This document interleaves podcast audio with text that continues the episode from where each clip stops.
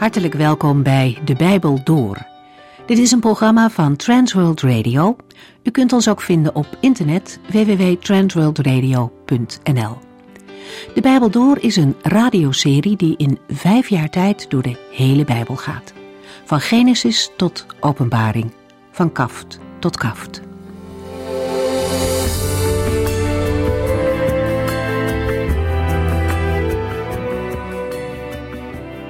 We lezen vandaag uit het achtste hoofdstuk van het Bijbelboek Openbaring. Het vorige hoofdstuk eindigt met mensen die uit de grote verdrukking komen. Zij hebben onvoorstelbaar lijden meegemaakt in deze korte periode die voorafgaat aan de wederkomst van Christus op aarde.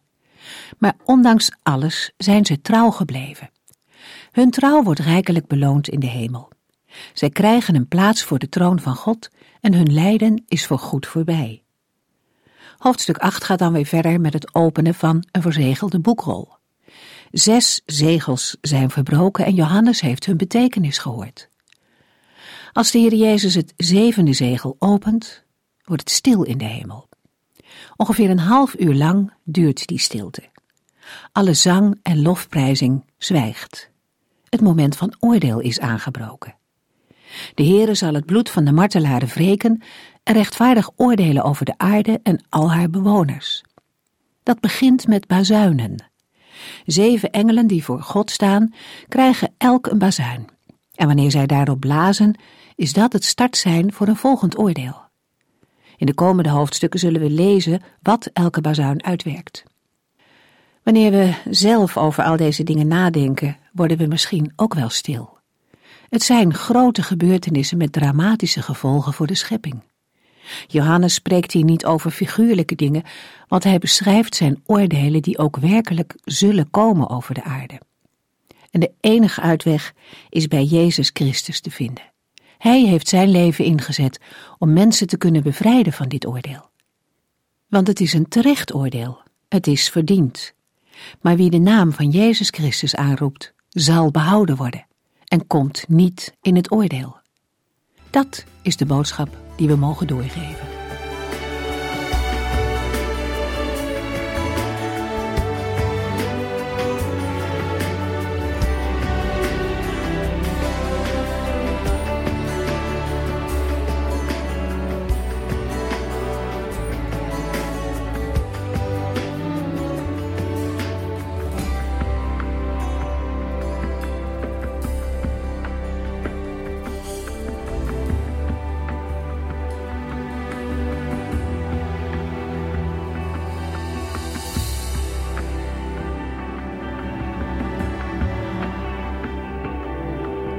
In de vorige uitzending maakten we al een begin met Openbaring 8.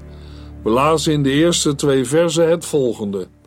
Toen het lam het zevende zegel verbrak, werd het stil in de hemel, ongeveer een half uur lang. Ik zag de zeven engelen voor God staan en zij kregen allemaal een bazuin. In hoofdstuk 6 werden de eerste zes zegels geopend en hoofdstuk 7 vormde een onderbreking van de serie van zeven zegels. In hoofdstuk 8 verbreekt het lam het zevende en laatste zegel. Omdat de boekrol niet geopend kan worden voordat alle zeven zegels zijn verbroken, kan wat beschreven werd in het voorgaande niet tot de inhoud van de boekrol worden gerekend. Daarom kunnen we stellen dat het gedeelte dat nu volgt Openbaring 8, vers 2 tot en met 22, vers 5, de inhoud van de boekrol is.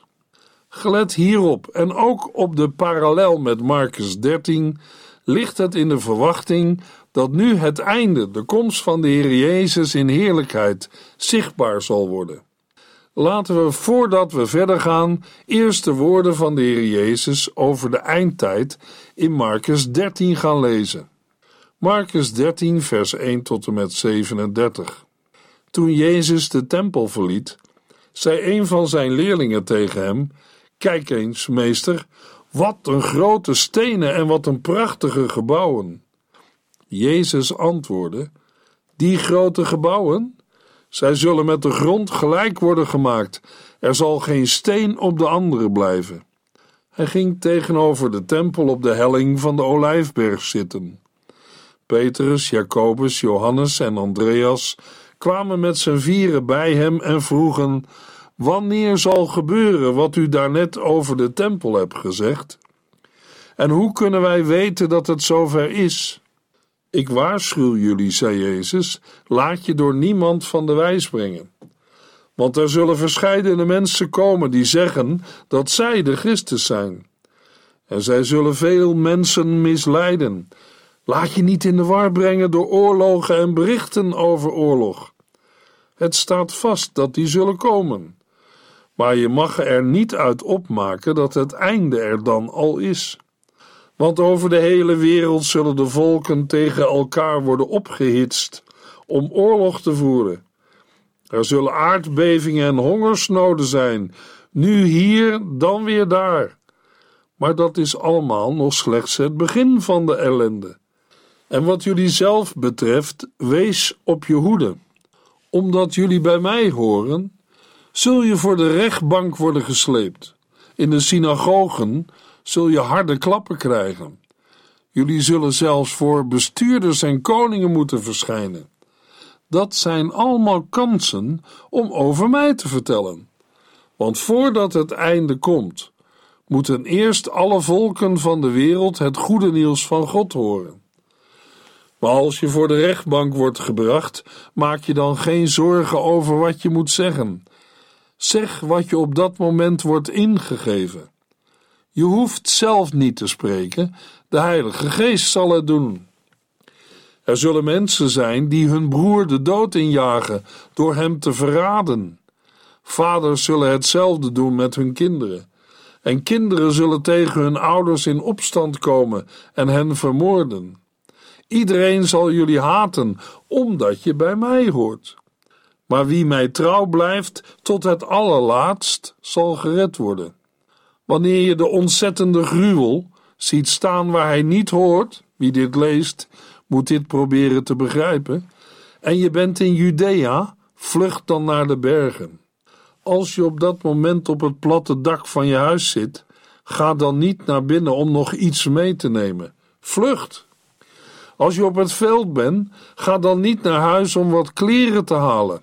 Vlucht! Het zal een afschuwelijke tijd worden voor vrouwen die in verwachting zijn of een baby hebben. Bid dat het niet in de winter gebeurt, want er zal een verdrukking zijn zoals er nog nooit geweest is, sinds God de wereld maakte en zoals er ook nooit weer zal komen.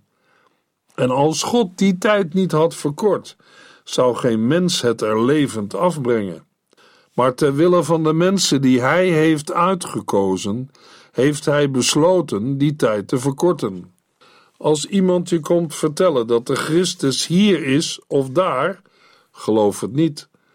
Want er zullen valse Christussen en valse profeten komen. Zij zullen grote, wonderlijke dingen doen, om daarmee de mensen die bij God horen op het verkeerde spoor te brengen, als het mogelijk was. Ik zeg het van tevoren, jullie zijn gewaarschuwd.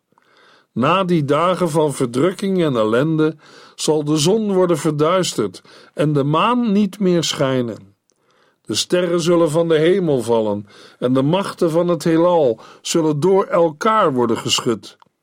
Dan zal iedereen mij, de mensenzoon, zien komen in de wolken, met grote macht en majesteit. Ik zal de engelen erop uitsturen om de mensen die ik heb uitgekozen bijeen te brengen. Van het oosten, het westen, het noorden en het zuiden. Ja, vanuit de verste uithoeken van de wereld. Leer van de vijgenboom deze les. Wanneer er knoppen en blaadjes aankomen, weet je dat het gauw zomer wordt. Zo is het ook met de komst van de nieuwe wereld. Als je ziet gebeuren wat ik zojuist heb gezegd, weet je dat het niet lang meer duurt dat het vlakbij is. Ik verzeker jullie, al deze dingen zullen gebeuren nog voordat deze generatie voorbij is. De hemel en de aarde zullen verdwijnen, maar mijn woorden zeker niet. Maar wanneer, op welke dag en welk uur deze dingen zullen gebeuren, weet niemand. De engelen niet en zelfs ik niet. Dat weet alleen de Vader. Wees dus op je hoede en houd je ogen open, want je weet niet op welk moment ik terugkom. Je kunt het vergelijken met iemand die naar een ander land gaat en zijn knechten op zijn huis laat passen. Ieder van hen krijgt een taak. De portier moet op de uitkijk blijven staan.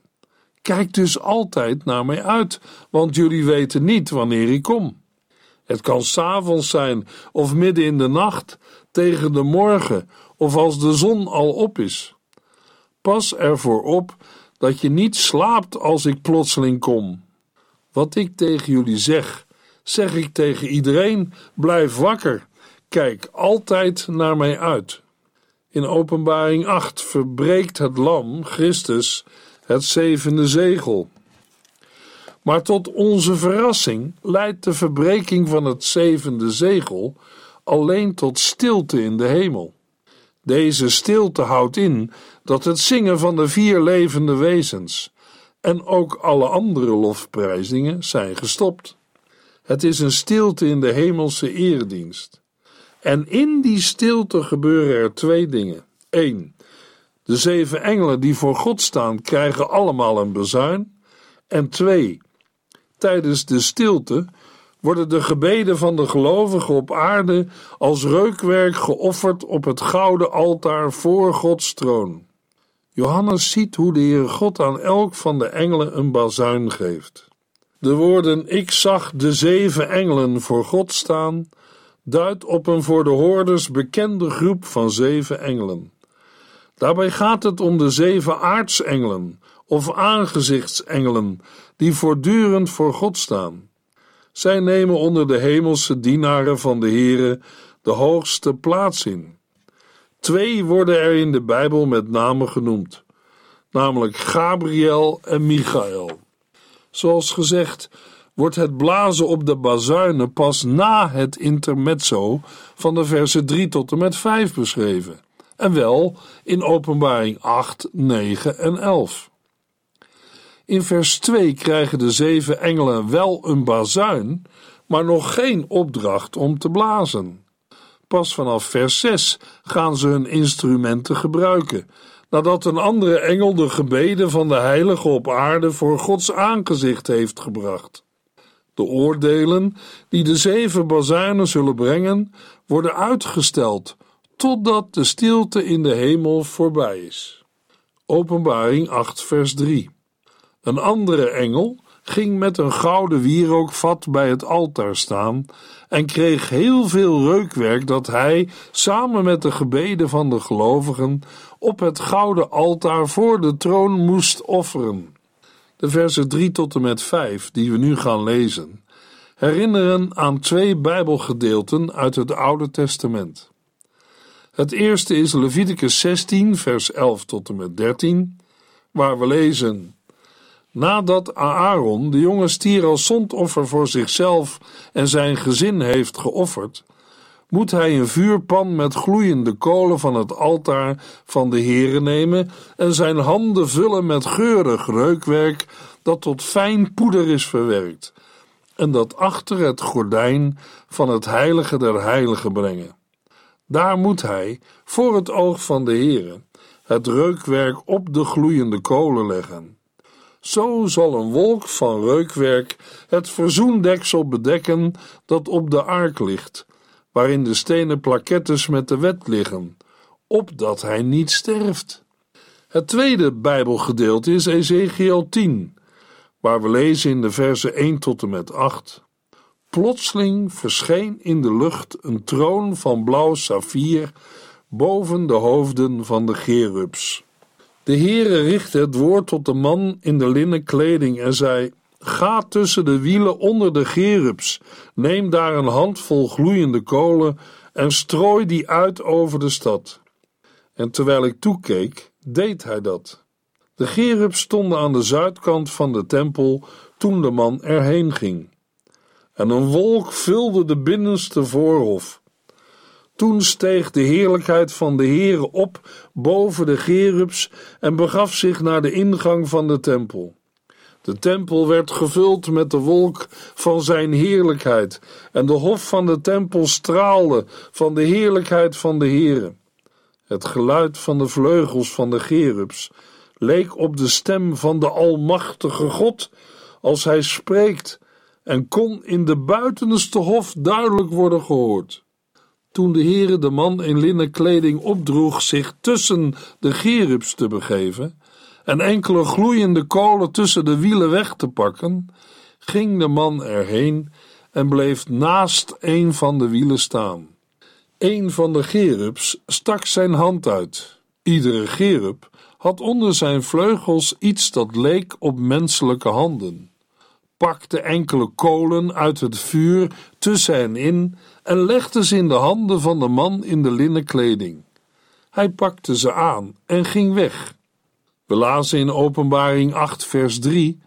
Een andere engel ging met een gouden wierookvat bij het altaar staan en kreeg heel veel reukwerk dat hij, samen met de gebeden van de gelovigen, op het gouden altaar voor de troon moest offeren. De beschreven gebeurtenissen in de versen 3 tot en met 5 vormen een intermezzo dat het moment uitstelt waarop de zeven engelen zich klaarmaakten om op hun bazuinen te gaan blazen. Dit intermezzo heeft in de opbouw van het Bijbelboek Openbaring een positie die vergelijkbaar is met die van Openbaring 4 en 5, als ook met Openbaring 15, vers 2 tot en met 4. De drie genoemde Bijbelgedeelten beschrijven gebeurtenissen in de hemel die plaatsvinden voordat de voltrekking van oordelen op aarde wordt beschreven. In Openbaring 8 is de betekenis van het uitstel dat de oordelen pas worden voltrokken nadat de Heere de gebeden van de gelovigen heeft gehoord. De andere engel die in beeld verschijnt, is niet een van de zeven aartsengelen die in vers 2 worden genoemd. Wie hij dan wel is en waar hij vandaan komt, wordt niet verder aangeduid. Johannes gaat ervan uit dat de lezers het altaar al kennen, want hij schrijft: Een andere engel ging met een gouden wierookvat bij het altaar staan. Het is hetzelfde altaar als dat wat in Openbaring 6, vers 9 wordt genoemd, namelijk het gouden reukofferaltaar. Op de plaatsen waar het hemelse altaar met de daarbij horende offers nader wordt beschreven, blijkt het met name dezelfde kenmerken te hebben als het aardse reukofferaltaar, waarop de gebeden van de gelovigen aan de worden aangeboden. De engel offert terwijl hij bij het altaar staat.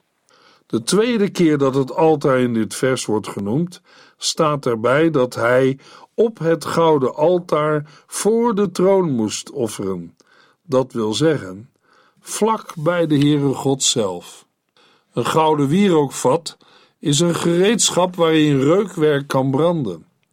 Dat dit wierookvat of deze vuurpan van goud is, duidt op het grote belang van de gebeden. Wie het reukwerk aan de engel geeft, wordt niet gezegd. We lazen: een andere engel kreeg heel veel reukwerk. In het Griek staat voor kreeg de passieve vorm werd gegeven. Het suggereert dat het de Heere zelf of eventueel een dienaar van hem is geweest die de engel het reukwerk gaf. Terwijl in Openbaring 5 vers 8 de gebeden en het reukwerk gelijkgesteld werden, worden ze hier onderscheiden. De grote hoeveelheid reukwerk wordt aan de gebeden van de gelovigen toegevoegd om ze voor God welgevallig te maken.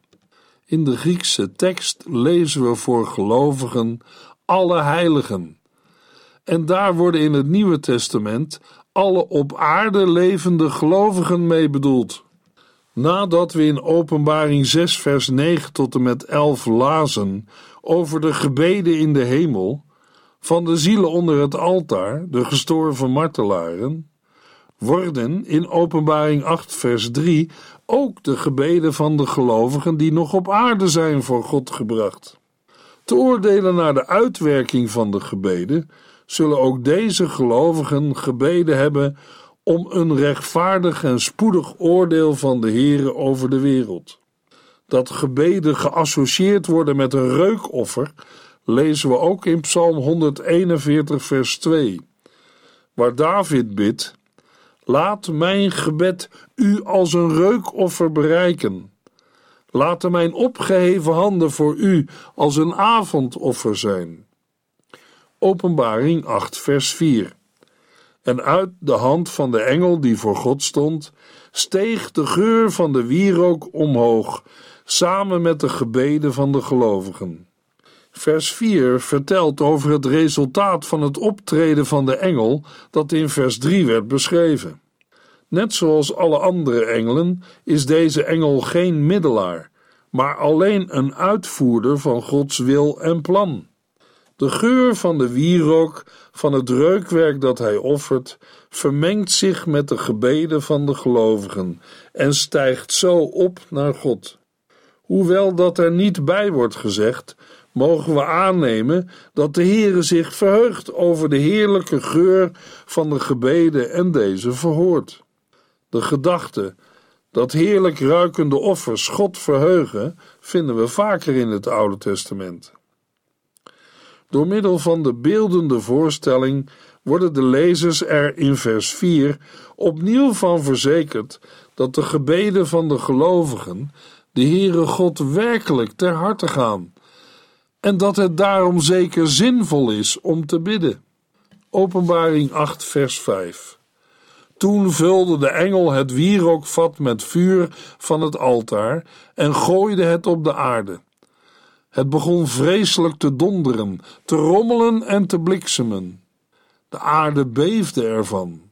Vers 5 beschrijft de uitwerking van wat in de vorige verse gebeurde en vormt tegelijk een korte aanduiding van het oordeel dat de zeven bazuinen zullen gaan brengen. Uit het verband met de voorgaande verse is duidelijk dat het opnieuw de gebeden van de heiligen zijn die leiden tot voortzetting van het gericht. Het schijnbaar krachteloze menselijke gebed wordt ingeschakeld in Gods handelen. De Heere God regeert de wereld met inspraak van de gelovigen. Hij wil gerechtvaardigd worden door zijn kinderen. In de Griekse tekst van Lucas 7, vers 35 zegt de Heer Jezus: En de wijsheid is gerechtvaardigd door al haar kinderen. De woorden van Lucas 7, vers 35 sluiten aan bij die van Lucas 7, vers 29, waar Jezus zegt: En toen al het volk dit hoorde, en ook de tollenaars, hebben zij God gerechtvaardigd, daar zij met de doop van Johannes gedoopt waren. Allen die Johannes hoorden, zelfs de tolontvangers, hebben erkend dat Gods eisen juist waren en lieten zich dopen. De betekenis van de woorden uit Lucas 7, vers 35 sluiten aan bij zij hebben God gerechtvaardigd. Onder de wijsheid kunnen we hier hetzelfde verstaan als de raad Gods in Lucas 7, vers 30, die daar door de Fariseeën en de wetgeleerden werd verworpen. We lezen nog een keer Openbaring 8, vers 5. Toen vulde de engel het wierookvat met vuur van het altaar en gooide het op de aarde. Het begon vreselijk te donderen, te rommelen en te bliksemen. De aarde beefde ervan. Het lijkt alsof de engel het wierookvat een korte tijd had neergezet en het nu weer oppakt. Hij doet er in vers 5 geen reukwerk in, zoals in vers 3, maar vuur dat hij van het altaar afneemt. In een andere Bijbelvertaling lezen we: En de engel nam het wierookvat en vulde dat met het vuur van het altaar en wierp het vuur op de aarde. En er kwamen donderslagen en stemmen en bliksemstralen en aardbeving. De woorden en vulde dat met het vuur van het altaar is een omschrijving van vullen met brandende voorwerpen of een brandende substantie. Hierbij kunnen we denken aan de vurige kolen op het altaar. Vuur is hier, zoals vaak in de Bijbel, een symbool van oordeel. De boodschap dat er vuur op de aarde terechtkomt, is een korte samenvatting van de oordelen die door de zeven bazuinen veroorzaakt zullen worden. Het tweede deel van vers 5, het begon vreselijk te donderen, te rommelen en te bliksemen, de aarde beefde ervan, beschrijft in het kort de uitwerking die Gods oordeel op aarde heeft. In de bewoordingen rommelen en donderslagen en bliksemflitsen en een aardbeving wordt het geluid van het onweer bedoeld. Drie elementen van deze opsomming zijn gebaseerd op Ezekiel 1. Aan de woorden van Ezekiel is een aardbeving toegevoegd, een teken van Gods oordeel. Verder herinnert het woordgebruik in vers 5 sterk aan de beschrijving van de verschijning van de Heere God op de berg Sinaï. De genoemde atmosferische en seismische verschijnselen gelden als aanwijzingen van Gods ingrijpen in het wereldgebeuren. Openbaring 8, vers 6. De zeven engelen met de bazuinen maakten zich klaar om erop te blazen. Vers 6 sluit aan bij vers 2. De woorden zijn een aanvulling, namelijk de zeven engelen die voor God staan, kregen een bazuin. En vers 6 vertelt, zij maakten zich klaar om erop te blazen. Intussen zijn de gebeden van de gelovigen op aarde in de hemel gehoord. Wat wij ons moeten voorstellen bij het zich klaarmaken van de engelen, wordt niet concreet gezegd. Te denken valt aan een klaarstaan in een bepaalde volgorde. De zeven engelen krijgen ook geen specifieke opdracht. Mogelijk zit hun opdracht al opgesloten in het feit dat zij hun bazuinen van de Heere zelf hebben ontvangen.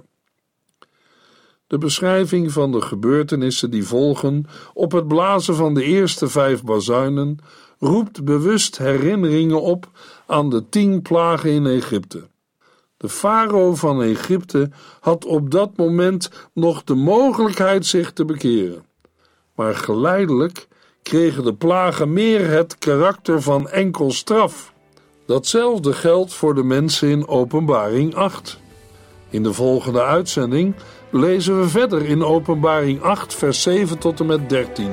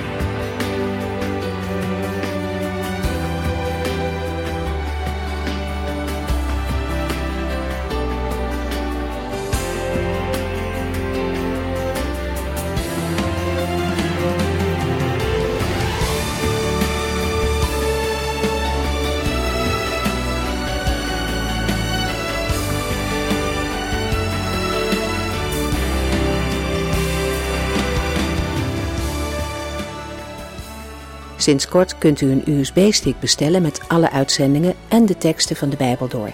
Ons adres volgt in de afkondiging. En hier eindigt deze aflevering van De Bijbel Door.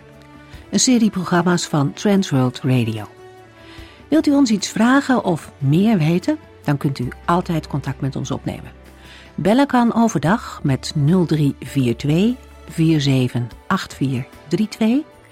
Per post Transworld Radio, postbus 371, postcode 3770, Anton Johannes in Barneveld. En e-mailen kan ook.